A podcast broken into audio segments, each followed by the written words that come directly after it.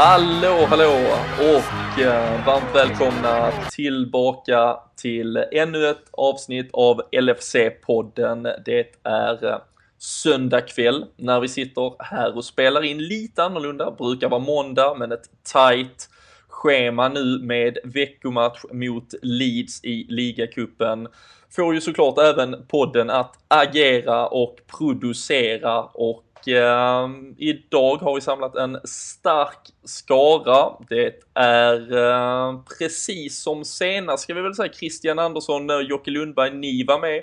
Daniel Forsell, du är tillbaka efter eh, frånvaro. Eh, känns gött att vara tillbaka i heta stolen. Det känns mycket bra. Eh, lyssnade givetvis förra veckan och eh, känns ju bra att man kan återhämta sig fortare än vad Lalana själv gör till och med. Ja. Man har ju någonstans gått förbi han känns det som nu. Det, vi, det krävs nästan en, en ny gubbe för dig uh, varje vecka. Kanske en Divock Origi kommer in och avgör. ja, men lite så. Ja. Det, det känns eh, rimligt faktiskt. ja, det är snyggt. Jocke Krille, vi satt här för en dryg vecka sedan.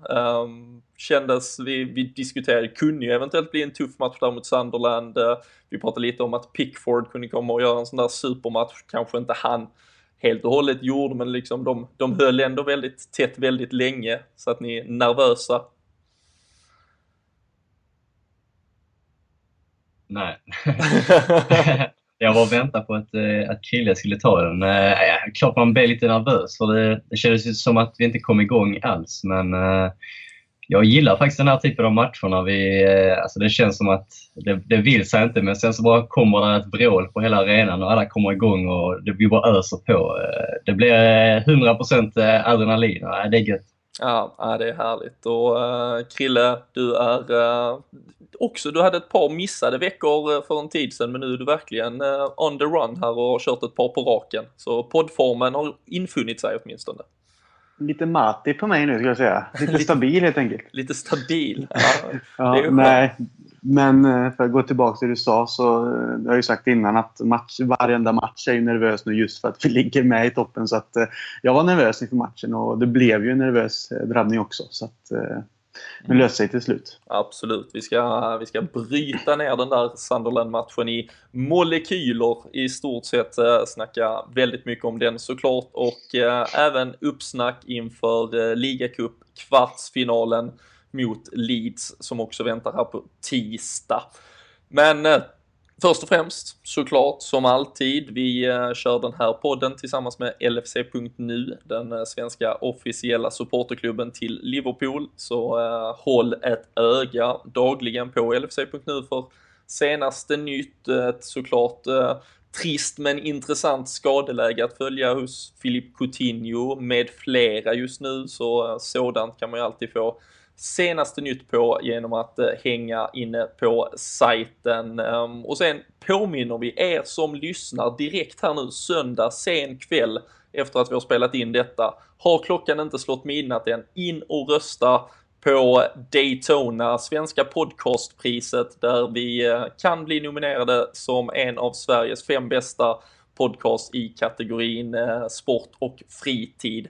Så då är det podcastpriset.daytona.se. Eh, vi länkar det återigen ikväll, men eh, in och släng en sista röst och blir vi nominerade, eh, då jäklar ska det röstas såklart, men det får ni reda på måndag i så fall. Men vi sparkar ju igång det här nu grabbar.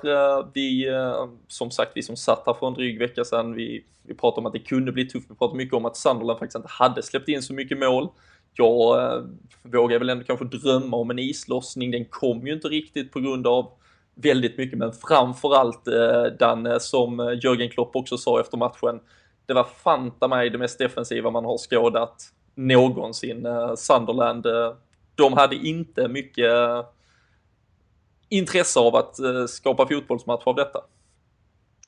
Nej, det kan man inte direkt påstå. Jag eh, hade ju själv lovat Jocke Lundberg en 6-0-seger och det fick man ju backa lite från här. Men det, alltså när, när Matip och eh, Lovren kan gå upp på i stort sett halv, in på halva deras planhalva utan att ens Defoe eller Anishebe pressar, då, eh, då har man verkligen inte kommit för att plocka några tre pinnar i alla fall. Även om det, ja, vad ska man säga, det verkade lite så inför matchen när de valde att, att ta in eh, Anishebe och fortsätta med två anfallare. Så tänkte jag att fasen nu har de fått lite hybris här efter två raka och, och tänker spela lite om det. Och det var väl ändå de första tio tyckte jag ändå var lite... Då blev man ju lite sådär, vad fasen händer nu? Då var de uppe i, hade något läge, några hörnor, men, men sen var det ju bara... Sen ropade väl Mojs att nu får ni lugna er här och så eh, var det liksom stå allra längst ner med åtta gubbar i eget straffområde ungefär. Så eh, det är ju inte, det är ju oerhört svårt att bryta sig igenom ett sånt försvar givetvis. Mm. Hur tyckte vi, eh, Krille, om vi tittar tillbaka? Vi hade ju Burnley-matchen så här, hänger fortfarande som någon form av eh, nattsvart mardröm över en. Eh, den gången blev det ju en 2-0 förlust när det nästan såg ut på det här sättet. Denna gången en 2-0 seger. Um, har vi lärt något av det här? Tror du att, som vi har pratat om det förr, men liksom, är vi ett, såg man någon skillnad? Hanterar vi ändå det här liksom enorma spelövertaget bättre än vad vi kanske har gjort vid tillfällen tidigare. Ja, jag tycker det. Det skulle jag säga att tålamod eh, själva grejen i den här matchen jämfört med mot Burnley.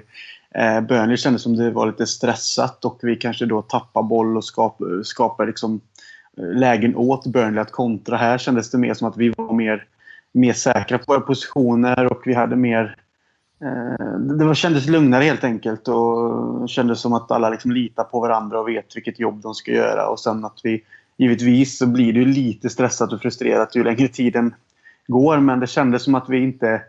Eh, vi avslutar inga, kanske vissa skott och så, men inga onödiga avslut som vi kan kalla det. Och även det här att vi kanske håller i bollen lite och försöker leta de här insticken eller kombinationspassningarna. Så det känns som att vi har lärt oss lite av läxan och att liksom låta laget har tålamod och att det då kommer eh, att lösa sig de flesta fallen i sådana här matcher. Mm. Sen känns det väl lite som att om man jämför med Burnley-matchen att det blir ju ett annat problem när de gör ett så tidigt mål som Burnley gjorde. Mm. Här var vi ändå bara ett mål ifrån tre poäng kändes det nästan som i och med att de var... De hade ju inget stort anfallsspel att, att komma med och då i Burnley-matchen blir det istället att först måste man jaga en kvittering och sen ska man jaga ett ledningsmål. Eh, och Det tror jag också gör att det blir lite mer stressat. Alltså man tar lite onödiga avslut. Coutinho sköt ju som bekant eh, kanske tio skott är helt i onödan i den matchen. Medan man här kan ja, spela lite mer tålmodigt, försöka ta sig igenom eh, och skapa något läge då. Mm. Jocke, om vi tittar, eh, vi visste ju att Adam Lallana högst troligt skulle missa den här matchen också. Eh, han har ju missat eh, United-matchen på hemmaplan, Southampton senast.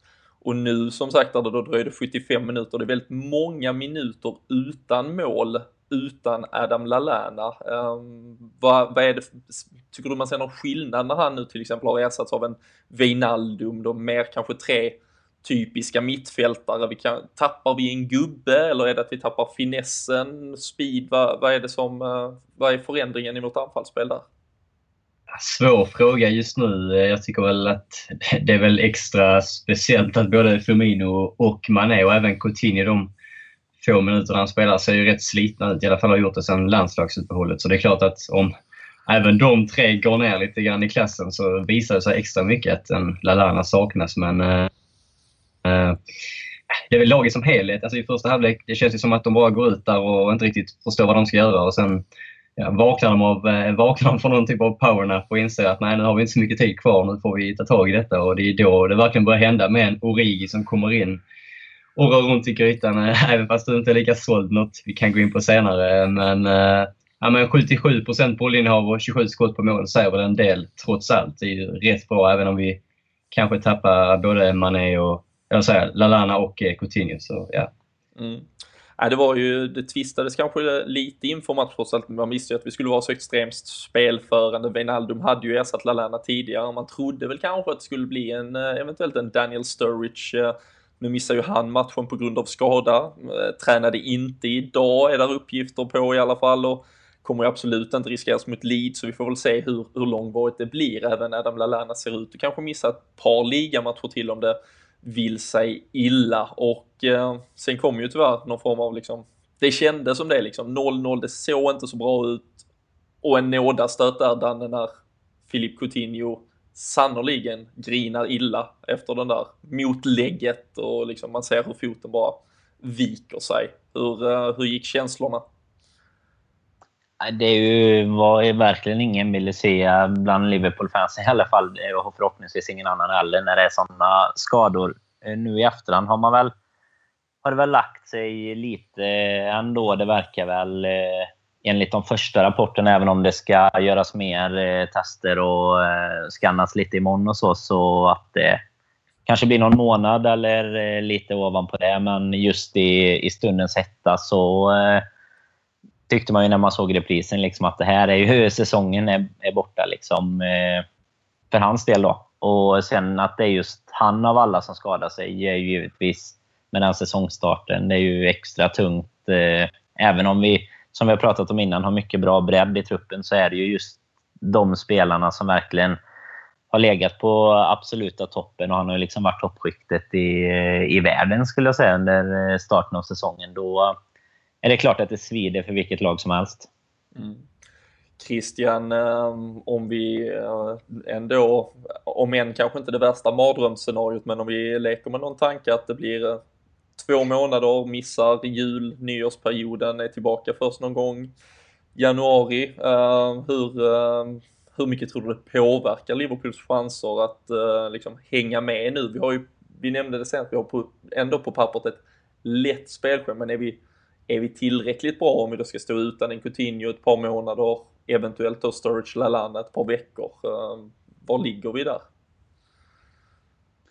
Eh, jag tror väl att vi som lag egentligen är tillräckligt bra för spelschemat som ligger framför oss nu fram till eh, nyår där. Men problemet är ju egentligen så som jag ser det att när vi kör fast i matcher, likt kanske nu som mot Sunderland, är ju att en sån spelare som Coutinho kan ju avgöra matcher på egen hand eller alltså skapa eh, liksom, massor från ingenting egentligen. Så att eh, det är väl lite där då att eh, jag tror att laget också har ett självförtroende när han är med på plan. För vi vet ju nu att han, han tillhör liksom toppen av fotbollsspelare i, i världen, precis som Daniel säger. Där, att han, och han har gjort det nu sen hela, liksom under hela säsongen. Så att, jag tror att vi som, som sagt som lag klarar oss bra och ska kunna ta eh, tre poäng i de flesta matcherna.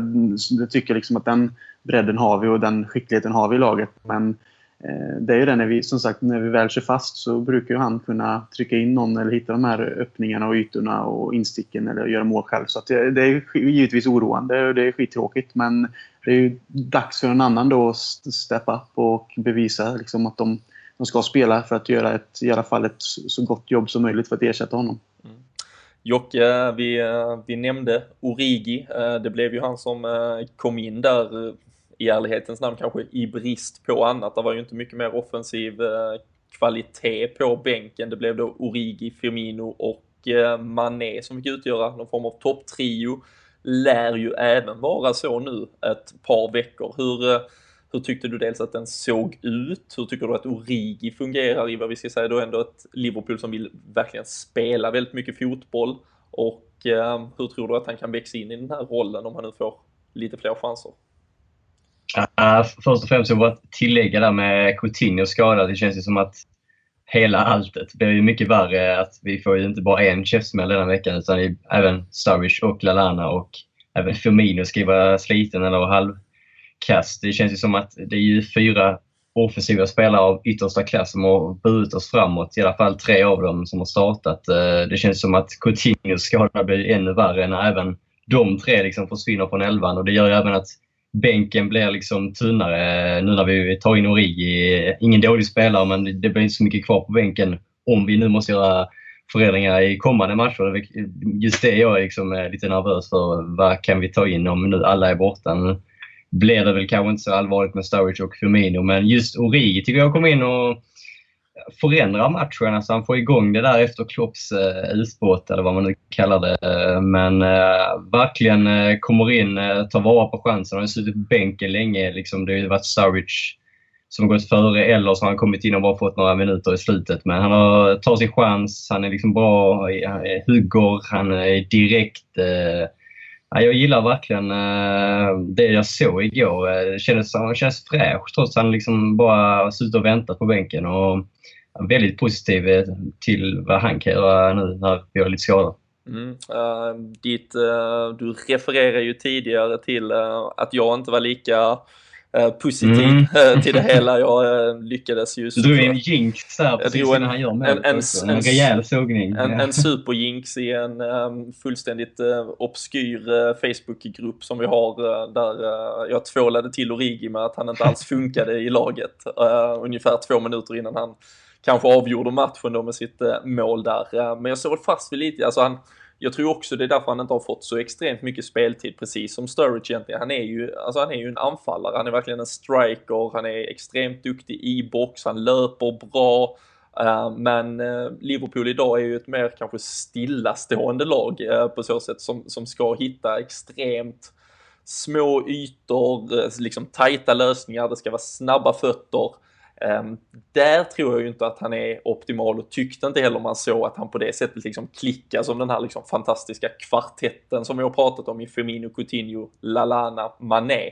Ehm, men eh, såklart så måste vi ju nu liksom ändå addera någon form av plan B även där vi kan behålla vårt grundspel och ehm, där visar han ju framförallt med sitt målskytte. Daniel Sturridge har ju fortfarande inte gjort ett ligamål och det här är ju dessutom ett trepoängsmål han gör liksom, eller åtminstone två för eh, annars hade vi ju säkerligen inte vunnit matchen. Vi, eh, till skillnad från Southampton så var vi egentligen inte genomskapade så extremt många klara målchanser på det sättet i denna matchen och eh, då är det ju extremt skönt. Lite Sturridge-vibbar från vad han har gjort tidigare, liksom egentligen från ingenstans, hittar liksom en snäv vinkel, vänder bort en, lägger in den. Um, extremt kyligt, men jag tror vi kommer se på vårt liksom spel som lag att vi kanske saknar något om det nu är Origi som kommer starta ett par matcher. Men eh, såklart extremt härligt att se han avgöra det här och han får gärna motbevisa mig att han kommer funka fantastiskt i, eh, i detta här nu helt enkelt. Men eh, Nej, såklart glädjescener kring det, men vi nämnde hur uh, Danny, jag tänkte Mané, han uh, driver ju sen fram och uh, högst bidragande till att vi kan punktera matchen när han eh, ja, fullständigt spurtar iväg i 90 ja, såklart imponerande, men eh, han blev ju verkligen hyllad i början av säsongen. Hur tycker du han har sett ut de senaste eh, veckorna här?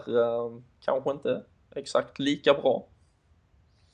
Långt ifrån skulle jag säga. Jag tyckte ju igår att han under en lång tid var riktigt under isen. Sen gillar väl inte jag kanske döma ut någon direkt så efter, efter någon match. Utan han visade ju ändå till exempel med, i den situationen då att det finns ju allt det här gamla finns kvar. Men han spurtade ifrån och fixade en straff och han är ju farlig. Men jag tycker inte att han är riktigt lika vass som han var i början på säsongen. Och igår framförallt då slog han bort extremt mycket bollar tyckte jag. Eh, var inte riktigt kompis eh, med bollen när han utmanade och så på samma sätt heller som han har varit tidigare. Eh, och det är väl lite oroväckande med samtidigt i allt det här, även om det givetvis kommer att komma på alla spelare någon dipp då och då. Men nej, det finns mer att hämta därifrån skulle jag säga. Ett riktigt felbeslut där också strax innan vi faktiskt gör när det verkligen kändes så frustrerande 0-0 läge när han var på väg in i boxen och har Firmino helt fri i, i, mm. innanför sig och kan lägga in den egentligen. Men nej, känns som att skärpan kanske inte riktigt är där. De ska ju helst, visst det har varit landslagsresande, men det känns som att vi borde liksom vara lite skarpare än vad vi är just nu. Krille... Det läget som du, det ja. läget du tar upp där bara, det är dessutom så att han kan ju passa till Firmino, men han väljer att typ skjuta. Men problemet är att han får inte ens iväg inte ens ett skott liksom. Så det, då blir det så här, det blir dubbelt fel på något sätt. Ja, äh, sannoliken.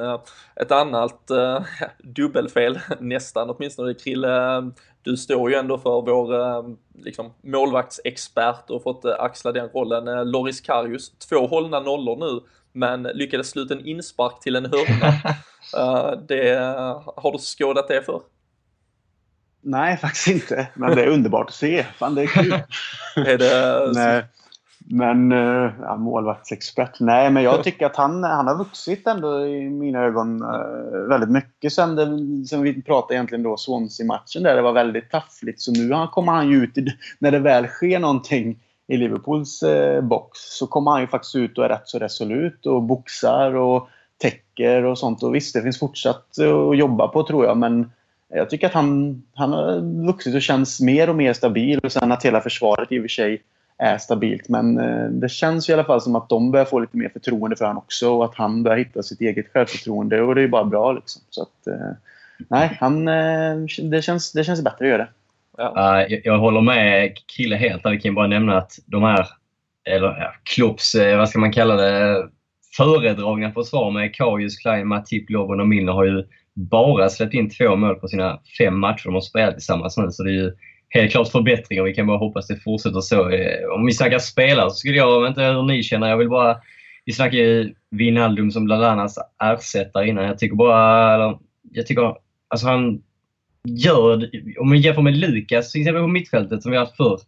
Jag tycker det är en jävla skillnad i eh, hur Wijnaldum spelar. Alltså typ vi slipper de här, eh, jag heter Lukas och liksom jag måste ge bort en frispark eh, som han sätter hjärtat i halsgropen. Alltså sättet han vinner tillbaka bollen, han gör jävligt kontrollerat. Eh, han vet vad han gör, han är smidig i närkamperna. Jag såg det flera gånger igår, jag vet inte om det var något ni tänkte på. Han såg ut att vara starkast på hela planen. Han är jävligt nyttig. Jag har aldrig typ, tänkt på det så mycket förr när han har spelat. Jag tycker man såg det mycket igår när ja, vi vann tillbaka bollen och skulle fortsätta pressa och bygga och försöka hitta målet. Ja, men jag tyckte eh, dels han, jag tyckte även Jordan Henderson i den rollen var helt fantastisk. Han springer ju fatt folk nu för tiden för fan. Ja. Det är ju fart på killen alltså. Och eh, som du säger, men även, alltså det är ett väldigt slipat, till och med Emre Can som också har lite Lukas-vibbar annars. Jag, jag tror också att Klopp har Alltså det är ju extremt viktigt att när vi är så här spelförande ger vi bort en frispark, en sån här dum taktisk, slarvig frispark, då får ju liksom ändå motståndarna ett andrum på två, tre minuter i stort sett med att de först ska hämta tid, de ska lägga den, de ska tjafsa lite, sen ska de lägga den långt. De får liksom, och jag tror liksom att det är något man har fokuserat extremt mycket på. Att nästan hellre liksom släppa vid dem så får nästa gubbe komma och försöka vinna den. För just, vi ser ju nästan inte, det är ju stort sett Lovren gör ju en när det verkligen känns som att ah, men nu är det en kontring, den är livsfarlig. Då drar han till liksom. Och, eh, men liksom på halva plan, vi tappar nästan ingenting. Matip och Lovren står ju framför anfallsspelarna hela tiden. Ingenting att man går upp och sänker dem i ryggen, alltså slarvigt sparkar ner dem, utan eh, jag tycker försvarsmässigt, liksom vårt offensiva försvar, där tycker jag egentligen när vi nu där vi kanske då det går ju extremt bra, men om man då tycker att det hackar lite i den liksom direkta offensiven så tycker jag ändå det här sättet som vi konstant håller press är eh, bland det mest fantastiska man ser just nu och det är ju alltså liksom som motståndare måste vara extremt tufft och, och liksom känna att fan det kommer komma en ny våg direkt, alltså vi hinner inte ens få den över halva. Och eh, Christian, du nämnde Matip som Mr Stabil, han och Lovren har ju verkligen växt ut eller liksom, när hade vi så här bra mittbacksduo senast? Sam Hyppie och Stefan Henshaw. det säger en del. Var det 01, 02 senast? Nej, men eh, Carragher och Hyppie var ju i sitt esse där ett tag när de spelade tillsammans. Men eh, absolut, jag tror att Matip har ett lugn kring sig som jag tror har smittat av sig väldigt mycket på Lovren. Och det känns som att som du säger, Lovren har ju vuxit ut eh, och känns väldigt stabil och inte, alltså inte alls nervös. Han täcker ut bollarna till liksom inspark när motståndaren har varit på den utan, liksom, utan egentligen se eh, skakig ut, vilket han kunnat göra innan och gjort lite misstag på. Och även resolut i sitt försvarsspel. Med. Han går ut, liksom, tar klivet upp, vinner bollar och liksom, nickdueller. Och han är även framme och eh, på, att göra mål med. Det känns som att han har vuxit i hela sitt spel egentligen, i, i, och tagit sin plats i laget liksom ordentligt. Så att, eh, det är ett mittbackspar som tillsammans sen med Karius och, får liksom fortsätta växa hoppas jag. För det kan se, det är liksom ingen ålder på någon av dem egentligen. Så det kan se riktigt bra ut om vi fortsätter får ha dem friska och hela och att, inga, att de inte blir så bra så att de stora eh, klubbarna kommer att knacka på dörren. Nej. Vi, eh, ett par eh, vad ska vi säga, ska vi säga, roliga punkter eh, från matchen annars. Eh, James Milner, återigen eh, målskytt. Den eh, till slut där straffmål. Återigen mål nummer fem. Tror du vi går mot första säsongen någonsin där en vänsterback i Liverpool gör double figures, så att säga. Tio mål minst. Fortsätter vi spela på det sättet eh, som vi gör så känns det som det skulle kunna bli så. För han är oerhört stabil på straffarna och det känns som att vi kommer få i alla fall fram till när vi, eh, när vi har sån press som vi oftast har. Eh, dessutom de här spelarna som vi har där uppe som eh, kan ställa till med ganska mycket konstiga grejer i boxen för motståndarna. Då. Så eh, det tror jag nog vi kan få. Och det är ju, jag läste faktiskt en spännande statistik om att han fortfarande inte har förlorat en match han själv har gjort mål i. Stämmer. Eh, det är lite mäktigt. Så eh, låt han göra mål första minuten så är det bara att luta sig tillbaka helt enkelt. Det var så Klopp valde straffskytt kanske. Bara kolla på den statistiken och tänkte att vi låter han, sätter han den så är det klart. Då är det klart. Uh, och uh, där egentligen uh, som en följd av att eh, det var klart när han tryckte in 2-0 så fick vi se en debutant Jocke, ehm, unge 17-årige Ben Woodburn. spås ju kanske bli den nästa stora spelaren att eh, liksom eh, kliva upp på Anfields matta. Eh, man såg att han var taggad, halka till det första han gjorde i stort sett, men eh, hur, eh, hur häftigt var det att få se honom springa in? Det är väl alltid eh, väldigt kul alltså när man, någon från akademin får chansen. Det var ju kanske en extra krydda när Gerard satt på läktaren. Man får den här alltså, känslan att kan det vara nästa från akademin. Det var ju ett tag sedan sist det kom fram någon i alla fall av eh, Gerards klass eller som kan fortsätta få speltid i, i första elvan. Nej, väldigt kul för honom och kanske få se honom med redan på tisdag.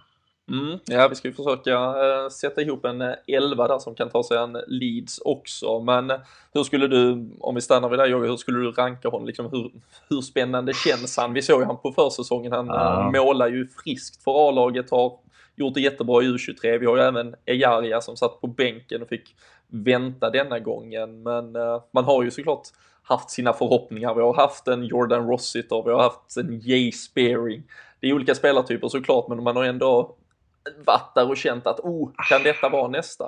Är det något alltså, den, är, den är väldigt svår den här åldern, hela akademin. Alltså allt som kommer in i den här åldern med, ja, du, får lite, du får din debut, du får lite hype, du får eh, högre lön. Liksom. Det är mycket som ska klicka för att du ska ta sista steget. Vi hade ju han vet han, Adam Morgan för några år sedan som öste in mål eh, sen han var 7-8 bast till eh, ja, den här åldern på 17-18 och vi trodde verkligen att det var nya Michael Owen och han är bara en av många som man har haft stora hopp på som kanske aldrig har blivit det där eh, ja, riktigt stora man hade hoppats på. Det är en svår fråga men det är klart han är ju väldigt lovande och visar ju verkligen alltså, hur han, han var väldigt klok för sin ålder och sättet han löper på hittar ytor och skapar chanser är väldigt eh, intressant. Men ehm, ja, den är svår.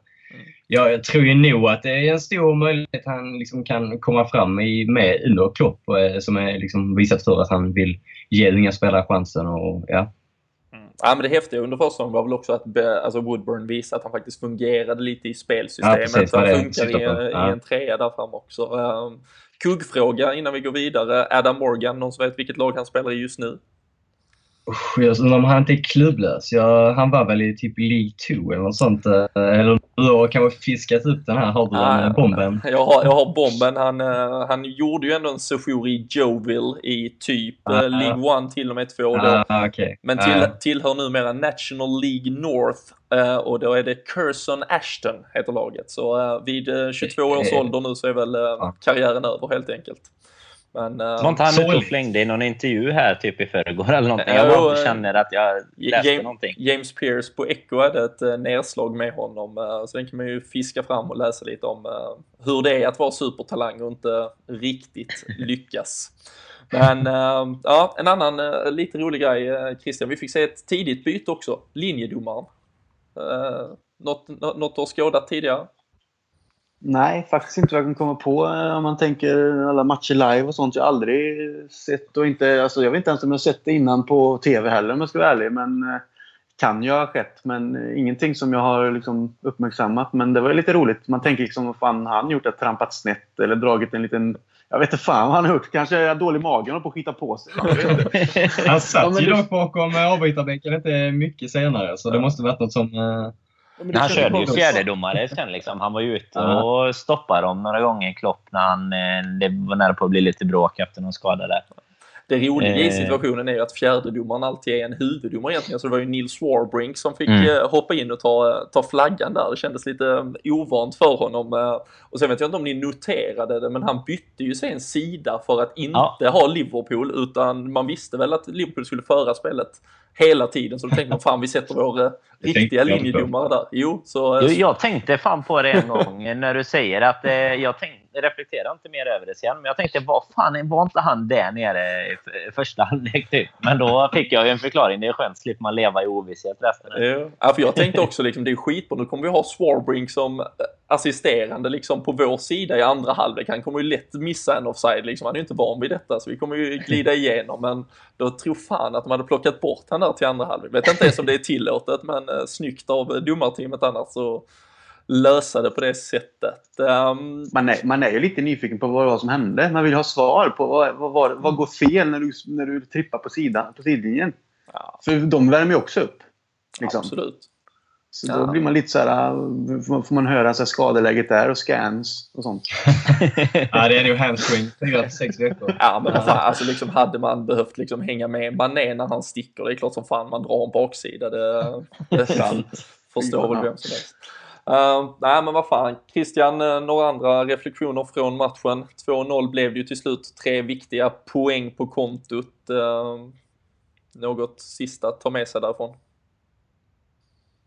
Nej, det är väl egentligen det som Klopp sa, den, att, de har liksom, att det var det mest defensiva laget han någonsin har mött. Och det kändes ju verkligen som att det var liksom ingen double decker buss. Det var väl en triple eller en ja, fyravåningsbuss. Det var verkligen Eh, ett sånt där lag vi verkligen, verkligen fick nöta och nöta för att eh, ta oss igenom. Men jag eh, säger väl igen att avsluta med för min del att det var väl tålamod som kändes i alla fall som nyckeln i det hela. Att vi liksom kände att vi, vi bara fortsätter jobba och gör vårt spel och försöker hitta instick och kombinationer och så eh, kommer chanserna dyka upp. Och sen, eh, även om det kanske inte blev en riktig chans så var det ju ändå Origi som på något sätt eh, lyste, lyste upp och eh, ja, finta bort den som du sa, la bort den snyggt i, i bortre. Så att, eh, all cred till det. Och sen Mané som sticker fast det är i sista, egentligen sista skedet av matchen så visar han på en jäkla speed och styrka och det är ju klar straff. Så att, eh, nej, starkt jobbat, viktiga tre poäng och det är egentligen bara att fortsätta köra och så hoppas vi att de på skadelistan eh, kommer tillbaka så fort som möjligt. Mm, ja, absolut. Och eh, det har ju numera, det har väl ändå ja, på något sätt kristalliserat sig lite här som ett, eh, någon form av fyrvägsrace. Vi ska absolut inte ta ut någonting i, i förskott, men i och med Chelseas seger mot Tottenham, Manchester United har eh, idag tappat poäng mot West Ham på hemmaplan, så, eh, så är det ju Chelsea som nu står på 31 poäng, City och Liverpool på 30 vardera och Arsenal på 28 då som, ja det är väl där Tottenham då på sina 24 har eh, någon form av häng. Men eh, Danne, vi har ju pratat om det tidigare, vi har nämnt att det såg ut kanske också som att det skulle vara de här fyra. Hur skulle du lägga oddsen just nu? Vem, vem har fördel? Hur ser det ut? Vad är känslan?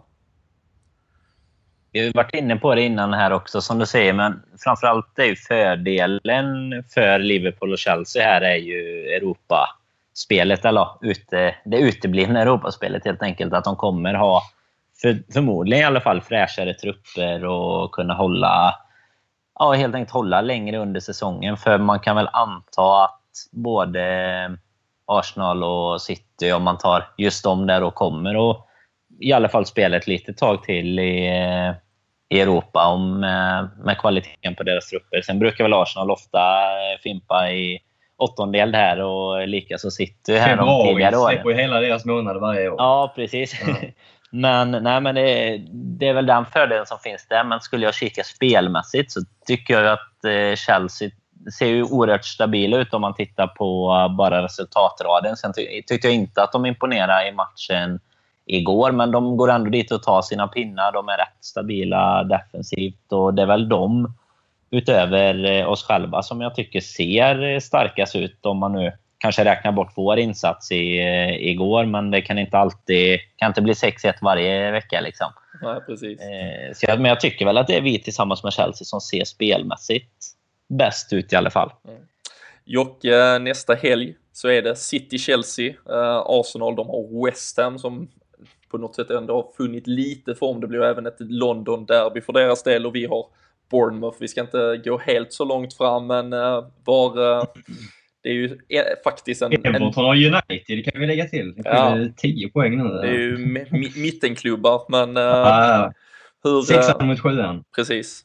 Hur, mm. hur är känslan var, var, liksom, med truppen? Alltså, som sagt, vi, vi har ju fortfarande, vi kan ställa en ganska bra elva på plan, men det börjar sina lite på bänken. Liksom, hur, tror du, hur tror du vi orkar mot de här konkurrenterna? Vi har liksom en, ett Chelsea som de bytte in William, Oscar med flera senast. Liksom, de har ju också ett väldigt starkt lag nu. Hur, hur tror du vi kommer att orka hänga med på pappret då, tunga klubbar? Över hela säsongen eller just mm. nu? Uh, usch, uh, ja, men det var inte så länge sedan. Uh, vi själva hade både liksom, uh, vad Sturridge och Origi på bänken och vi kände att vi hade en viss bredd för första gången på 15 år eller någonting. Men så åker vi på de här skadorna och det ändrar ju läget i kopiöst.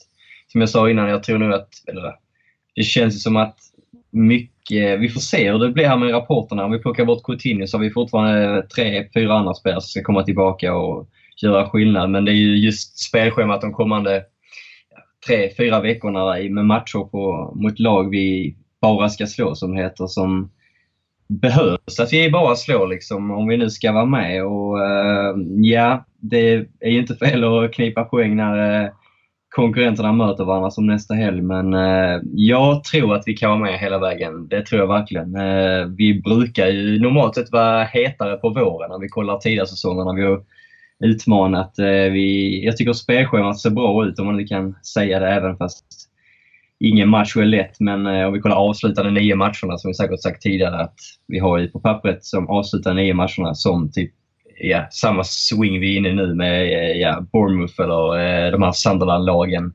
Även fast det kommer vara svårt. Men ja, jag tror vi kan vara med och eh, det står väl mellan oss, City och Chelsea.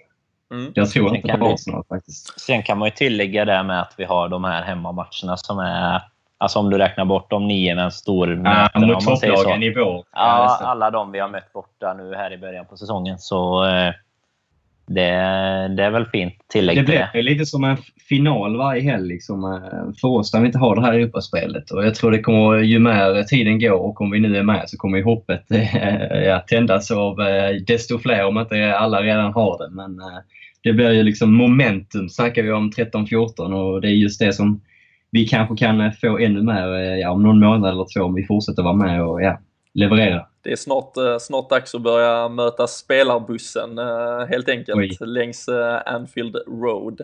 Men Krille, hur, vad tyckte du förresten? Klopp, han vill ju verkligen ha liv på fansen. Han tyckte de skulle spela sin del i det hela. Om vi blickar tillbaka mot Sunderland återigen innan vi lämnar den helt. Skönt eller ska det ens behövas? Var det rätt att göra det? Ja, helt rätt. Jag menar, Anfield ska vara en arena med eh, bra stämning och eh, nu när även en utbyggnad som gör att eh, det kommer in mer folk så tycker man ju ändå att det någonstans ska bli mer hö högljutt. Jag kan förstå att det liksom kanske blir lite det här jag ska inte säga att de buar, men att det blir lite... Jag tror att det är nervositeten som smyger sig in när liksom laget inte lyckas riktigt ända fram och att folk blir lite Eh, eller publiken blir lite, vad ska man säga, de blir, lite bortskämda det senaste. De här som Daniel sa, 6-1-matcherna och sånt. Så att det blir liksom, kom igen nu, liksom, tryck in bollen för vi, vi är vana nu att se mål. Men jag älskar hur Klopp drar igång publiken och visar att det är ju ni som egentligen är den här fotbollsklubben. Liksom, stå bakom oss så ska vi liksom göra allt vi kan för att vinna den här matchen men vi behöver er hjälp. Liksom. Jag älskar att han gör det. det det är ju som att man liksom ställer sig upp i liksom tv-rummet liksom TV med mig från soffan och själv ställer sig upp och liksom skriker bara för att man dras med av Klopp. Liksom. Det är så nästan så att man på något sätt mentalt går in så att man är på plats. Så att, eh, jag tycker det är grymt att han gör det och jag är jätteglad att vi har en manager som verkligen, verkligen uppmanar publiken att nu ska det vrålas och sjungas och skrikas och allt sånt där. Liksom. För många andra liksom, managers de står bara där och det visas inte någon entusiasm. Så jag gillar ju såna här Conte och Klopp-profiler. Så att, eh, att Klopp är hos oss är grymt. Jag hoppas att han stannar fruktansvärt länge. Det finns ju egentligen bara en manager som är bättre på att interagera med fansen och det är ju José Mourinho som ständigt väljer att sätta sig uppe på läktaren och följa matchen. ja, jag tänkte faktiskt komma in på det. Det var väl enda risken med Klopps agerande att FA just nu är rätt så eh, heta på den biten. Jag vet inte om ni såg det idag, men alltså Mourinho drar iväg en vattenflaska typ, och så ja, sätta sig. Alltså det är helt eh, sjukt. De, snart får de ju köra Benitez-stilen och bara sitta och anteckna i sitt block för att inte eh, åka upp på läktaren nästan. Mm. Jag tyckte det var skönt när han uh, skällde ut Mois rejält också, bara bad han uh, hålla käften och sätta sig ner. Men uh, Mois, Mois ska veta sin plats, han är lillebror i den staden så, uh, så är han. The chosen one. Ja, precis. Absolut. Um, Danne, om vi eh, blickar framåt nu då mot uh, vad som komma skall. Vi har pratat om en uh, trupp som kanske då är mer skadeskjuten än vad den har varit på hela säsongen. Samtidigt så har vi haft lyxen tidigare att kunna vila i veckorna, men nu så kommer då en uh, ligacup kvartsfinal. Visserligen ett Championship-lag, det är Leeds, som ändå går ganska bra där i andra divisionen. Och eh, redan på tisdag och sen så har vi visserligen till på söndag då mot Bournemouth. Eh, men eh, hur tror du tankarna går nu hos Klopp? Liksom, vågar han spela liksom, någon form av bästa elva? Eller är det dags att rotera? Hur mycket vågar han rotera? Hur viktig skulle en eventuell ny final vara? Han var ju på Wembley och kände smaken av det även om vi förlorade förra året. Men uh, ja, hur går tankarna hos Jörgen? Mm, han var ju där med dig och, och Jocke faktiskt. en, kall, en kall februaridag när man själv var på annat håll i London där. Men eh, det, ja, vi satt ju och snackade sist inför ligacupen minns jag. Vi, och då trodde vi liksom det kan bli några byten och så. Så valde han att byta hela, hela skiten. Liksom. Han bara bytte elva man. Eh, men då hade han ju i och för sig Starwich och, och liknande att slänga in. Men jag tror väl att hans tanke ändå... Jag förväntar mig att se ganska mycket byten faktiskt. Jag tror att eh, typ Jarja, kanske inte Jarja och Woodburn, men någon av dem får spela. Sen tror jag eventuellt att han kommer vilja spela som jag såg innan på Twitter, tror jag det var du var inne på, att han ändå kommer vilja sätta den här trion där fram nu för att få in... Eh, han, han kan ju ändå räkna lite med att det kanske blir Origi här nu över en eh, viss framtid och då kanske han känner att nej, men fan, då behöver vi sätta de här spelarna så de får spela ihop sig. Till exempel, Mick kan få chansen. Och lite sådana byten. Då Moreno kan säkert komma in och kan vi göra något byte där, där Klein får vila någon gång i hela världen så, så finns det säkert läge att göra det. Om Alexander Arnold får spela igen eller något, något liknande. Så jag tror ändå vi kan se ganska mycket förändringar faktiskt. Mm.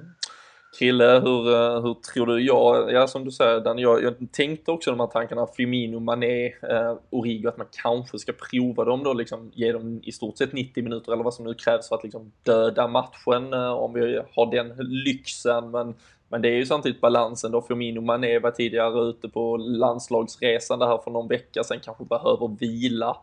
Hur, hur tror du eh, tankarna går där Krille i form av liksom våga ett starkt lag eller liksom lita till ungdom framförallt som det blir nu när vi inte har så mycket annat på bänken? Jag tycker först och främst det är rätt att satsa på de inhemska cuperna nu eftersom att vi inte spelar i Europa. Så att jag tycker någonstans att vi ska hitta en balans. Men Eh, eftersom vi har sett nu skador på eh, viktiga spelare och att det ändå blir ett, alltid tufft nu under vintermånaderna när liksom kylan tränger sig på lite och det är rätt så tajt schema där under jul och allt det här. Så jag tycker väl ändå att eh, rotera. Eh, för som sagt, all respekt eh, för Leeds, men någonstans måste man också tänka på, ska vi vara med i racet hela vägen fram så måste vi ändå, när vi får chansen att liksom eh, Eh, ja, vila de eh, nyckelspelarna vi har inför Premier League-matcherna så borde de vila de här just mitt i veckan-matcherna. Så att jag tänker väl lite mer försvaret. Eh, Klein kanske borde gå ut och vila och det är ju samma sak med Milner men just mittbacks, någon av Lovren Matip tycker jag ska fortsatt ska spela. Eh, just för att eh, just nu är de så pass stabila och känner, jag tror att det skapar ett visst lugn i hela truppen om liksom någon av dem är kvar. Och sen Sen hoppas vi ändå att man byter ut det mesta framåt. Eh, precis som Daniel säger med att Origi kommer in och spelar just för att han kommer antagligen figurera i startelvan framöver med då beroende på hur länge Sturridge blir borta. Men eh, sen är det ju kul om eh, några av ungdomarna får chansen. Om det är Woodburn eller Jaria. Det är liksom som Daniel säger med att båda kanske inte borde spela. Att de kanske byter av varandra sen eller något. Men hoppas att vi roterar relativt mycket just för att vi ska kunna gå in sen matchen mot Bournemouth och inte ha några skavanker och kunna känna oss fräscha. Så att, eh, det hoppas jag. Jocke, eh, du får eh, ändå representera någon form av Leeds-expert här i podden. Det är ju inte, det är inte ditt fel, snarare din fars. Men där det är lite Leeds-blod som pumpar runt i, i huset i Helsingborg och du och jag har ju bland annat delat en Elland Road-upplevelse. Bara en sån sak för ett par... Svårslaget. Jag har till och med varit där tre gånger. Tre gånger i livet, så det är stort. Och eh, vi fick ju bland annat se El Hadji Diouf slå eh, magiska hörnor för, eh, aj, för aj, aj, Men, eh, nej, men eh, om, vi, om vi tittar då på Leeds, hur eh, de ligger femma i, eh, idag i Mhm. eh, The Championship satsar ju nu på, på att kanske ta det där klivet, åtminstone vara med i en playoff-duell framåt slutet här. Eh, Pontus Jansson, svensk landslagsspelaren, har också växt ut till någon publikfavorit. Men hur, eh, hur bra är de och hur liksom mycket respekt kontra vad, liksom, också då ur rotationssynpunkt, vad kan vi förvänta oss? Jag är rätt rädd för den här matchen. Jag brukar ha relativt bra feeling på när det går bra och när det går dåligt eller när vi ska förlora när vi ska leverera. Jag har bara fått någon feeling som jag inte kan förklara men eh, det är ju positiva vindar i Leeds. Det går bra för dem. De vann med 2-1 mot Rotherham igår eh, i en match där Peter Odevinge blev utvisad efter 29 minuter kan vi ju nämna. En av de Ja, mest klara röda kort jag någonsin har sett. En Ah, armbåge i bakhuvudet rätt rejält. Eh, verkligen. Eh, Chris Wood gjorde mål igår. Eh, gjort nio strutar den här säsongen. Det är största hotet framåt. Eh, ja, tränas av Gary Monk. Han var ju i Swansea innan. vet ju vi alla vem han är. Så det, det känns positivt i Leeds för en gångs skull. Eh, I alla fall för tillfället. Man vet ju aldrig vad ägaren eller eh, ledningen har eh, för sig där. Det har ju varit problem i 10-15 år. Eh, vi kan ju även säga som du sa Pontus Jansson. Vi har även Marcus Antonsson, en annan svensk som kanske kan få speltid i, i, på tisdag. Eh, I mål, vet vi vem vi har där då? Robert Green, 36 bast, still going strong. Eh, slängde faktiskt in en boll där förra helgen mot eh, Newcastle och de förlorade. Men eh, man vet ju aldrig vad man får av honom. Det kan verkligen vara eh, ja, fågel eller fisk. Men eh, ja, jag är rätt för matchen. Eh, ett Leeds som jag har alltid känt för ett krigarlag. Liksom, eh, Eh, managern har varit ute här och- och uttalat sig att de vill åka till Anfield och liksom stå för den ja, första, den riktigt stora cupskrällen i ligacupen i år. Eh, ja. Det, det blir svårt tror jag faktiskt. Jag, jag, vi är inne lite på din elva som eh, du droppade, jag tror det var på Twitter Robin. Vi kan ju dra hela den snart men det är ju svårt att verkligen pricka. Jag hoppas ju också det blir den där tremanna-anfallet längst fram men samtidigt om Firmino är lite halvsliten Mm. Vågar man chansa med honom med tanke på om nu Lallana Coutinho och Sturridge är borta i alla fall till helgen eller flera veckor framöver. Man vill inte riskera även honom. Det är mycket att tänka på för Klopp. Mm. Ja, men om vi, eh, om vi försöker ta den så var det väl ganska egentligen, dels så tycker jag väl kanske att eh, Mignolet ska få chansen, troligtvis kommer han få chansen också. Och eh, backlinjen i så fall skulle vara ett nytt mittbackspar i form av Lukas och Klavan som ändå känns som de här första lagsspelarna som sitter kontinuerligt på bänken. Och även en Alberto Moreno som eh, absolut kan gå in och spela vänsterback eh, här. Eh, sen är det väl lite då om man känner att en Alexander Arnold är, är liksom redo för ännu en sån här uppgift eller om det blir eh, uh, Mr Reliable James Milner kanske som hade kunnat gå över och spela högerback för att ge uh, Klein en, en av få chanser att faktiskt vila. Och uh, sen känns det ju även som att mittfältet här med Henderson, Wijnaldum och Chan har liksom verkligen flåsat på. De springer ju väldigt, väldigt mycket också och där är det ju då Kevin Stewart, en eh, Ejaria, där, där finns ju lite att ta åtminstone. Så eh, vi får väl se. Grujic får vi inte glömma. Grujic har vi också. Ja. Och eh, sen som sagt, det- ja, ju, ju mer man tänker på det, Firmino ska nog vilas liksom. Men jag hade- det hade känts skönt att se honom egentligen med Origi och Mané, men eh, kanske Origi, Mané och Woodburn i så fall. Eventuellt annars att man flyttar fram en James Milner på mittfältet eh, och får hans rutin där och eh, släpper in en Alexander Arnold i en annars då ganska faktiskt rutinerad backlinje.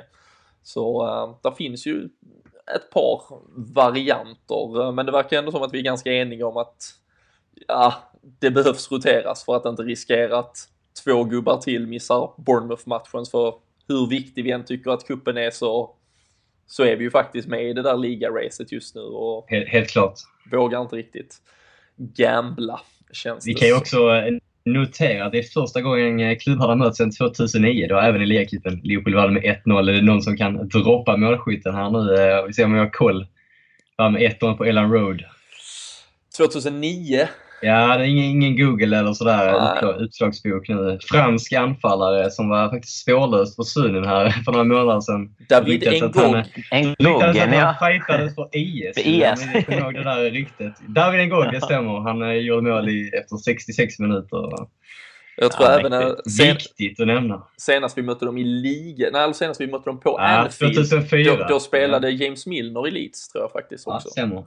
Så uh, mycket, mycket kuriosa kring, Ja. eh, kring den här matchen. Men eh, Christian, eh, vad tror du då? Eh, löser vi uh, nöten och tar oss vidare oavsett vilket lag vi nu ställer på benen? Eh, ja, det tror jag. Det blir nog som sagt tufft som eh, Jocke säger. Men eh, ja, ska man tippa resultat också eller? Eller vad är, Varför inte? Är det, är det dags? I så fall så... Ja, det drar till med en sån här eh, 1-0 Liverpool. 1-0. Danne, eh, dels kanske resultat och även liksom, eh, får vi se fronttrean eller tror du han eh, ändå väljer att rotera ut lite av eh, den yttersta kvaliteten därifrån?